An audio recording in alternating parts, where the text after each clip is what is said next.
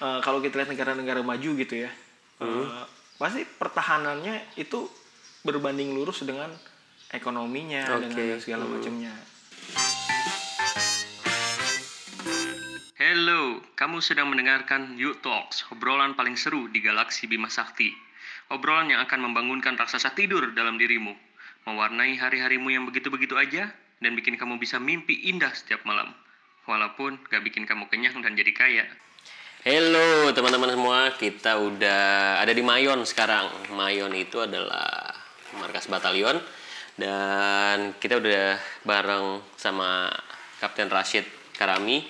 Em, beliau posisi saat ini sebagai pasi pers di Batalion Armet 10 eh Braja Musti. Lokasinya daerah mana nih Fit? Kita. di sebetulnya masuk Kabupaten Bogor ya Masuknya Bogor. dekat Cibinong Oke. dekat Cibinong ya Dekat Cibinong. daerah apa namanya daerahnya Kalau kita nyebutnya Ciluar. Ciluar. Cuman Oke, Ciluar. Ciluar. Nah, tadi kita udah ngobrol-ngobrol tentang eh, suasana di sekitar eh, batalion ini. Kita udah ngobrolin eh, sedikit alutsista yang ada di sini dan segala macamnya. Nah, sekarang waktunya kita buat ngobrol sebenarnya em, kalau menurut Kapten Rashid sendiri gitu ya. eh, pengalamannya kan berarti udah udah berapa tahun ya Kapten Rashid? Eh kita belum kenalan ya?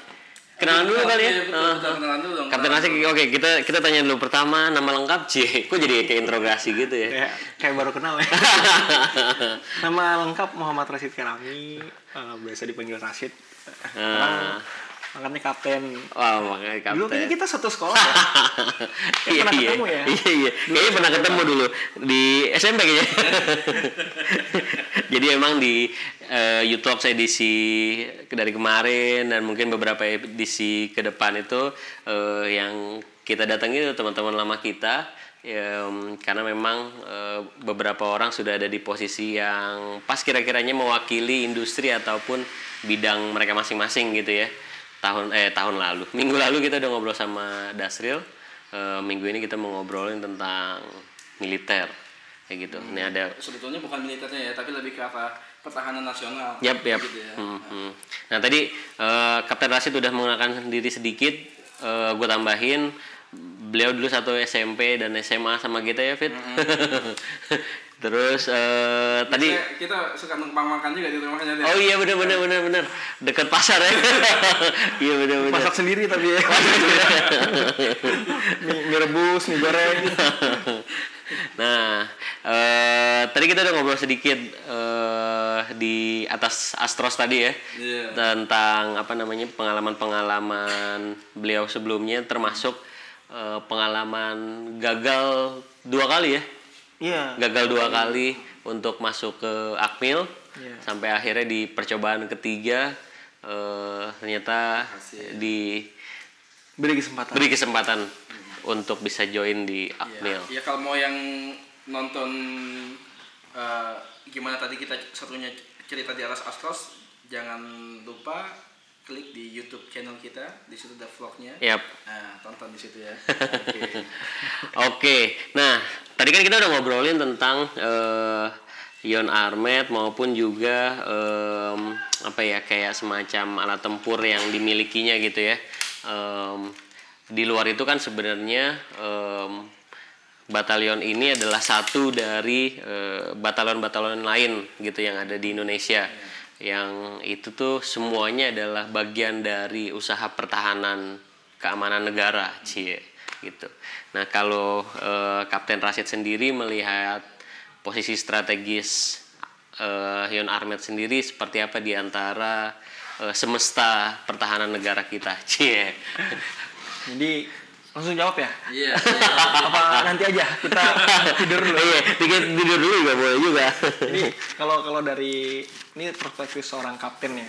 Yap. Eh, pada intinya kan batalion kita ini alutsistanya baru.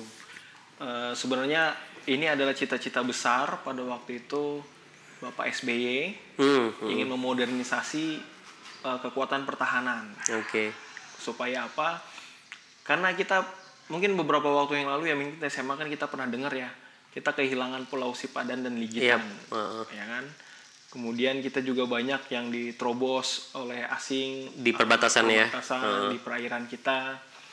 Nah, dari isu itu kan berkembang. Dulunya istilahnya dunia pertahanan itu menjadi isu kelas 2 gitu dibandingkan dengan i- isu ekonomi, isu Yep. politik. Hmm, hmm. Nah, tapi setelah ada kejadian itu kita baru eh, seolah-olah tersadar, oh ternyata penting loh pertahanan itu untuk mengamankan wilayah, untuk mengamankan sumber daya kita loh. Nah, dari situlah secara globalnya ingin memperbaiki pertahanan. Karena eh, kalau kita lihat negara-negara maju gitu ya, eh, pasti pertahanannya itu berbanding lurus dengan ekonominya Oke. dengan segala macamnya.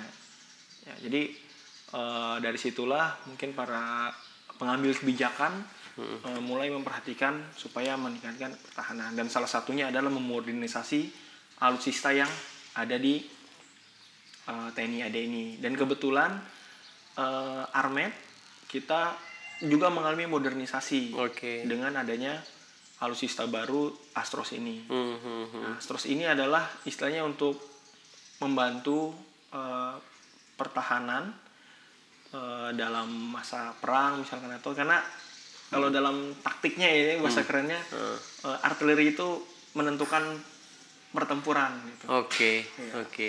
Karena sebelum istilahnya eh, tanpa adanya bantuan tembakan gitu, tembakan dalam jumlah yang masif itu pertempuran sulit untuk Dimenangkan. eh, dimenangkan. Sehingga kita butuh eh, artileri yang kuat tangguh untuk bisa mendukung tugas tersebut.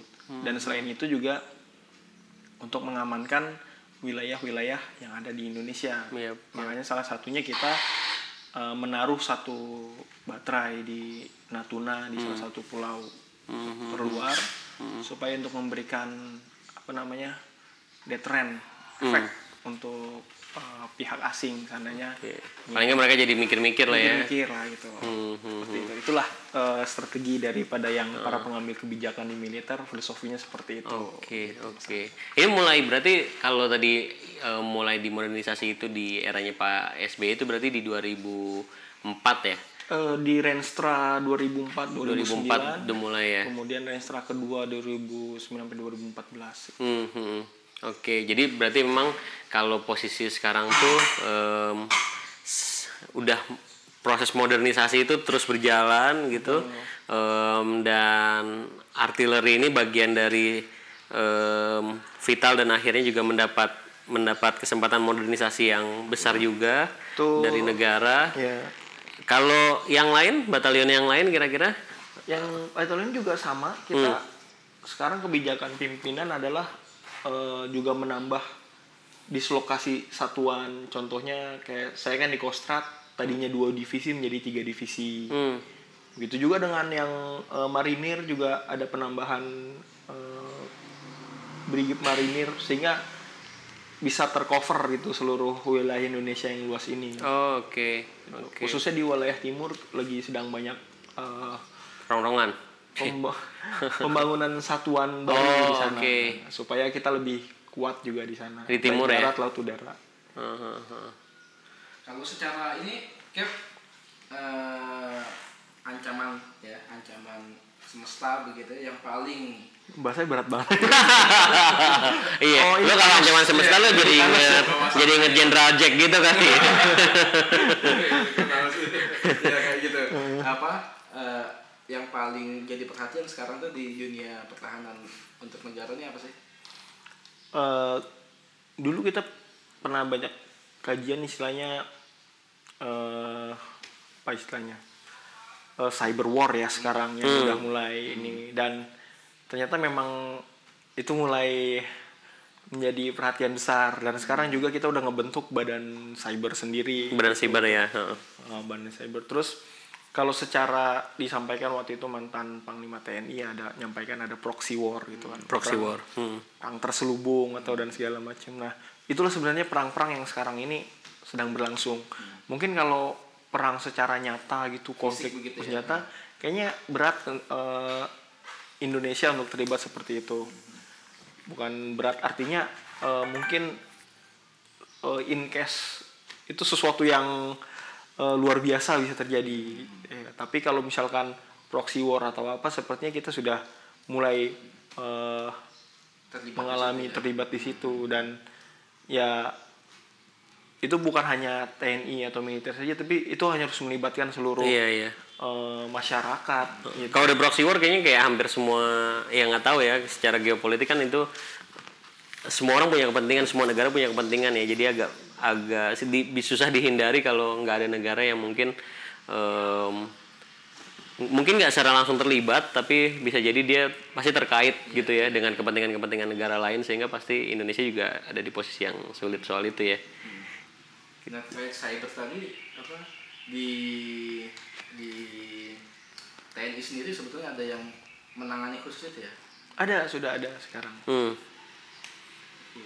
Lalu kemudian Tapi kan yang badan siber tadi itu kan dia bukan di bawah TNI kan? Badan siber tadi di bawah TNI di bawah TNI oh di bawah TNI. ada di bawah TNI Oke, oke. Soalnya tetangga gue di badan siber, Bro. Oh gitu. Cuma gue pikir dia di bawah apa eh tersendiri gitu ya ah, ah, ah, ah, ah. tapi itu gabungan memang Iya, iya, iya. Ada yang istilahnya badan siber di bawah negara nah kita angkatan darat juga punya sekarang lagi merintis eh, badan siber Oke. Oh, Darat punya sendiri. mungkin ya? belum belum belum berdiri seperti badan tapi istilahnya ada ada satgas lah gitu Hmm. Oke, oke. siber yang di sana Lalu kemudian eh eh tadi kita udah kenalan belum sih struktur angkatan darat itu seperti apa gitu? Belum, belum, belum. ya. Nah, eh, nggak harus apa Detail banget ya. darat tapi kemudian nanti fungsinya si oh gitu Eh, jadi sebelumnya saya akan membangkitkan imajinasi kalian ya. Siap, siap. Kalian pernah pernah ngeliat struktur organisasi kan? Iya, Nah, iya. Jadi berdiri di atas itu pertama adalah eh, Kasat kan, Ah, Kepala Staf Angkatan Darat yang sekarang dijabat oleh Jenderal TNI, Jenderal TNI Andika Perkasa. Hmm. Bapak Kasat ini eh memiliki unsur-unsur pembantu pimpinan kan, namanya asisten-asisten mulai dari asisten pengamanan, asisten operasi, personel, eh, perencanaan dan logistik dan macam-macamnya serta ada badan pengawas itjenatnya. Tapi bukan di situ fokusnya saya. Ini dari dari angkatan darat, angkatan darat dia akan terbelah menjadi beberapa kotama kom komando utama. Nah, komando utama di di angkatan darat ini ada tiga. Ada komando daerah militer, kodam kodam. Hmm. Kedua Kopassus, komando pasukan khusus. Ketiga Kostrat. Nah, kot kalau yang kotama mungkin udah tahu ya, kodam misalnya. Kodam, ya. mulai dari Kodam Jaya, Kodam 3 Siliwangi, nah, tahu. Kopassus sudah tahu kan? Hmm. Nah, yang ketiga adalah Kostrat, Komando Strategis Angkatan Darat. Nah, saya mau masuk ke Kostrat nih, karena kan satuan saya di bawah Kostrat. Nah, Kostrat itu terbagi lagi dia. Ya, jadi eh, apa spider webnya kebagi lagi nih tiga. Hmm. Ada divisi 1, divisi 2, divisi 3 Oke. gitu. Nah, setiap divisi terdiri dari brigade. Hmm. Ada tiga brigade, tiga brigade infanteri, satu resimen artileri.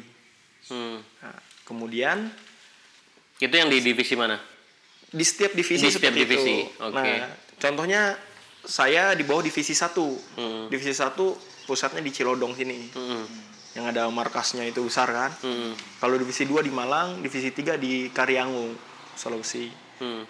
Nah, di divisi 1 ini terdiri dari dua brigade sekarang. Brigade para rider 17 dengan Brigif Rider 13 dan satu resimen armet. Hmm. Nah, satu resimen armet ini kita fokus lagi, kita zoom lagi nih resimen. Yap. Resimen armet ini terbagi tiga batalion. Hmm. Batalion armet 9 di Purwakarta dengan senjata utamanya Cesar 155. Batalion armet 10 yang sekarang kita berada Oke. di sini itu senjatanya Astros Hmm. dengan batalion armet 13 di Sukabumi. Senjatanya Meriam 76. Hmm. Di situlah masuk lagi ke batalion saya nih. Yap. Armet 10 kan Armet batalion. 10, heeh. Batalion Armet 10 ini dipimpin oleh seorang komandan batalion dan dibantu oleh unsur pimpinan, pembantu pimpinan. Unsur pembantu pimpinannya ada empat perwira staf dan empat orang perwira penghubung. Perwira staf itu dari pasi 1 Intel, pasi Op, pasi Pers, pasi Lok. sekarang jabatan saya sebagai pasipers Sebelumnya sudah pernah di Pasi di Pasi Ops. Ops, ya. Nah, unsur pelaksananya batalion itu ada baterai-baterai. Terdiri dari baterai tempur dengan baterai markas. Dipimpin oleh masing-masing komandan baterai. Nah, seperti itu. tempur Apa? Baterai markas itu apa? kalau baterai tempur dia untuk bertempur alutsista berada di dia gitu. oke. kalau markas itu pendukung lah Support istilahnya. ya? support. Untuk yang ngurusin pangkalan untuk yang apa misalkan segala macam itu nah kurang lebih seperti itulah struktur organisasinya Ah, menarik sih ya. Jadi apa? eh, nggak kebayang sebelumnya kan? Iya iya benar. Yang di sipil ya. gue juga tadi bingung juga maksudnya si batalion ini tuh di antara semesta Semesta tentara atau semesta eh, pertahanan kita tuh dia ada di mana tapi jadi lebih kebayang kalau udah ngomongin mulai dari kasat sampai Benar, benar. akhirnya baterai Iya, iya, iya, iya. Jadi jenjang kali menuju puncak itu kira-kira masih berapa tahun lagi? Eh, saya hanya bisa menyerahkan kepada yang di atas. Nggak soalnya ada ada apa? Ada ada idiom lah di. Iya. ya. Kalau memang garis tangannya jadi jenderal, udah jadi jenderal ya bang. Oh, gitu ya. Tapi kalau memang garis tangannya enggak, ya udah. Tapi emang apa harus ada pengalaman lapangan atau gimana sih kalau untuk Oh iya jelas dong harus ada eh, sequence-nya tahapan-tahapan yang dilaluinya. Contohnya gini kalau di kita itu eh, misalkan sebelum jadi danrai minimal harus jadi danton gitu. hmm, Sebelum jadi danyon harus jadi danrai dulu. Hmm. Nah, jadi ada karena kalau misalkan nggak pernah jadi danton terus jadi danrai gimana dia bisa tahu gitu apa yang harus dikerjakan oleh danton dantonnya gitu. Hmm. kan? gimana dia mau jadi danin kalau dia nggak pernah jadi danrai nanti dia ngasih perintah dia gimana mau wasdal pengawasan pengendalian danrainya Hmm. mau jadi danmen minimal harus jadi danion dulu. Hmm. seperti itu. Istilahnya itu adalah tahapan-tahapan uh, pola binkar kita pembinaan karir kita seperti itu. Dan masing-masing tahapan itu harus ada uh, sekolah. Hmm, Oh, untuk duduk di satu posisi ada sekolahnya dulu. ya betul. Contohnya nih uh, saya lulus letnan 2 Hmm. Di sekolah kan namanya sarcap dasar kecabangan supaya apa supaya kita tahu seperti apa sih kecabangan fungsi utamanya apa Hmm. saya cabangannya armet kan Hmm. saya minimal harus tahu dulu dasar cabangannya apa dan segala macam Hmm. terus nanti kayak kemarin tahun 2000 Sorry, sorry. Yang tadi tuh berapa lama eh, pendidikannya yang pertama kali itu? lima bulan Lima bulan. lima bulan Lima bulan. ya, itu sebelum ke percabangan tadi.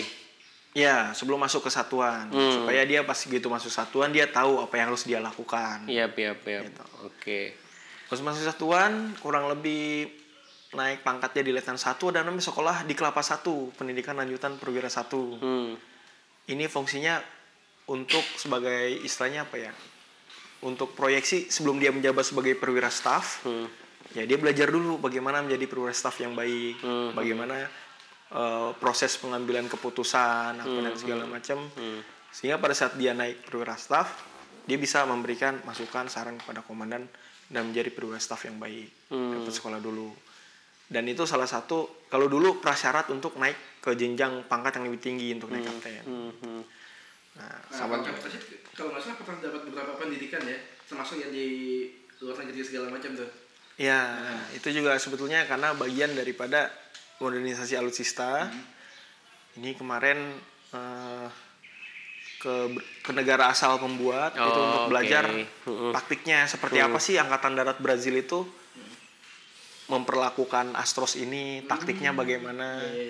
Saya pelajarin terus saya istilahnya saya combine dengan doktrinnya angkatan darat di kita dan mana yang bisa diterapkan atau tidak. Hmm. Nah kemudian kalau artinya pada saat pendidikan-pendidikan itu kan eh, ketemu dengan apa eh, satuan lain ya, Iya. atau mungkin bahkan dengan Negara lain. yang lain. Nah itu kita di apa kancah pergaulan militer dunia tuh posisi Indonesia tuh bagaimana kira-kira? kita termasuk diperhitungkan ya artinya mereka kaget juga oh ternyata Indonesia berani membawa senjata yang harganya cukup mahal atau apa dan segala macam dan saat diskusi atau apa kita bisa eh, oh ternyata kita ya nggak ketinggalan banget gitu. Kita juga punya ini dan segala macam dan istilahnya kalau studi banding kita nggak nggak kalah kok dengan negara-negara. Hmm. eh, mungkin kalau negara maju kita main di bawah. Tapi kalau negara-negara yang setara selevel sama kita kita jauh di atas Asia Tenggara kita masih paling masih mantap ya. Asia kalau di Asia? Kalau di Asia mungkin kita hanya kalah di dengan Cina dengan oke oke oke. yang sudah besar gitu itunya. Iya, iya, iya, iya, iya. Oke oke.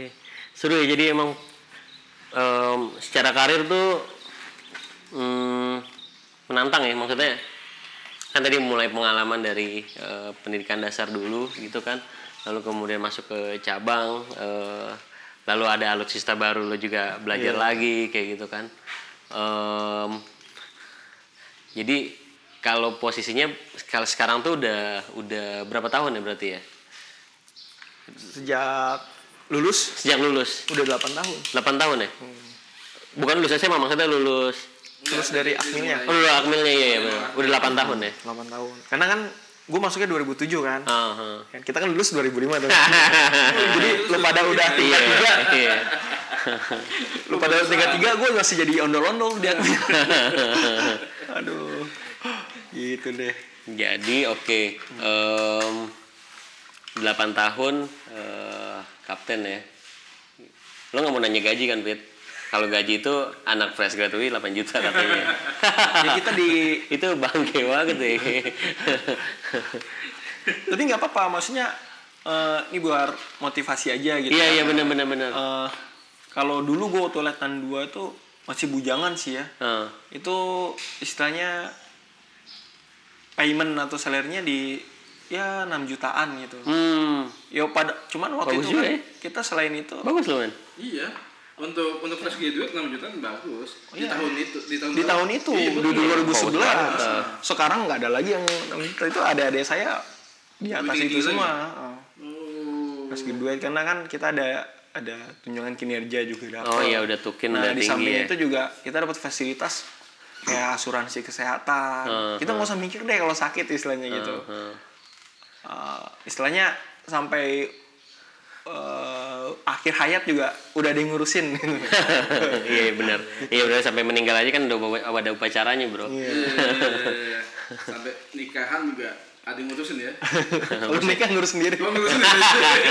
Tapi kita harus lapor tadi, Oh, ya kan? Kayak tadi pagi kan udah disampaikan sama kayak Prasid kan kalau di sini ada yang mau nikah juga menghadap ke ini ke dia dulu Nah, kalau maksudnya kan, kan artinya kayak uh, Captain ini kan udah punya bawahan ya. Ketika bawahan nikah, kemudian eh mau nikah kan harus rapat dulu kan. Itu ada fungsi pembinaannya juga dari atasan kalau nggak salah ya. Iya Gitu ya. betul. Jadi kan kita harus ngecek dulu, kan karena eh, nggak sembarangan gitu mau nikah sama prajurit. Hmm. Gitu. Pengalaman saya sendiri tuh apa ya? Gimana, gimana, calon istri tuh sampai sampai sampai kok segitunya ya mau nikah Oh, gitu ya? Ya dulu tuh Hampir nyata nggak? hampir Jadi bayangin harus ngadep ke sana sampai sampai ngadep ke panglima divisi kan. Itu kan butuh waktu. Itu calonnya si calonnya Ya, harus datang iya, mau iya. di dulu udah di Banjarmasin tuh datang bayangin aja ibaratnya harus korban tiket kan Iya, iya. Nah, dan itu nggak sekali datang itu minimal dua kali datang baru bisa Oke. selesai Oh, gitu Kalau kita kan cuman ketemu Ya, cuman ke KUA aja. doang gitu Iya. kan atau ketemu besar. Kalau ini selain ketemu keluarga Iya. besar, calon mertua, ini juga ketemu sama ketemu nama mulai dari komandan batalion Iya. komandan resimen ampun deh. kemudian panglima divisi dan surat administrasinya itu panjang Oke. itu banyak harus SKCK calon mertua Oh, iya. Oh iya, itu mertua juga SKCK. Ya, SKCK. Terus harus ada rekomendasi dari Kodim. Kodim, Supaya- oke. Ya karena Cek background ya. cek background terlibat organisasi terlarang atau tidak Iya, iya, calon istri. Heeh.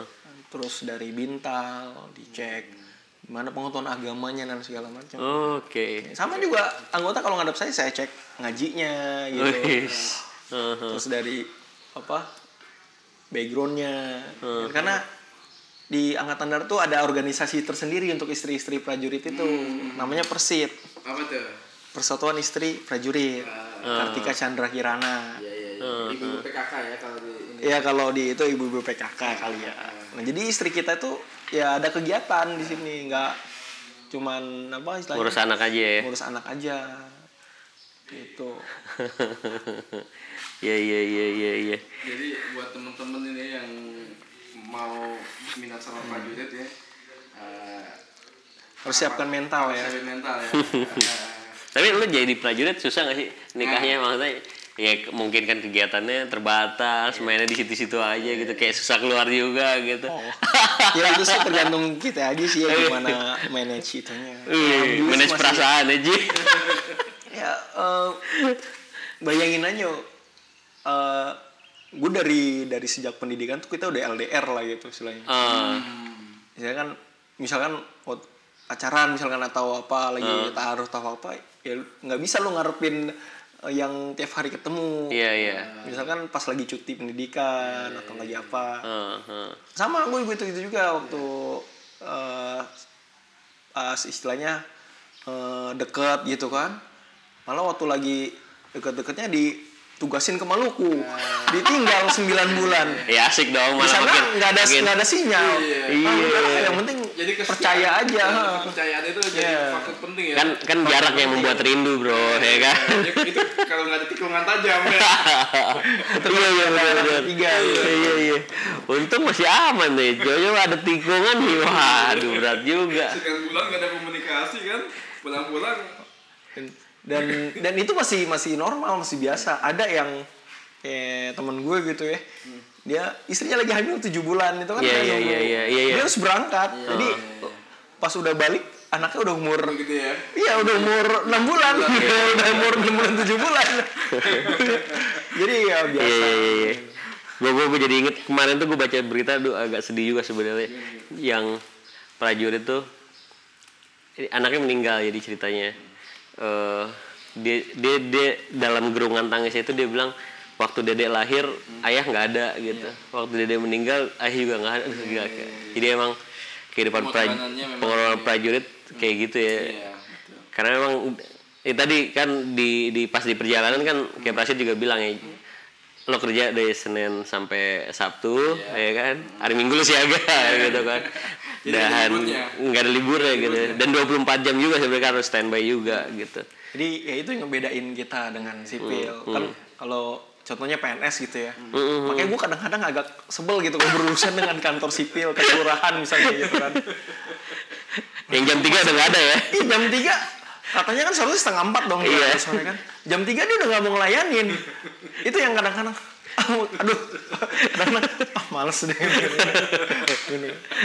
terus pelayan ini begitu gitu kan. kalau kita kan memang yang apa kulturnya harus cepat Harus cepat, yang dikasih ini segala macam. Jadi ya seperti itu.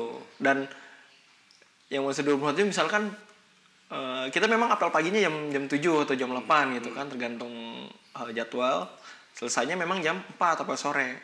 Tapi bukan berarti di luar itu kita Santai-santai. artinya ya.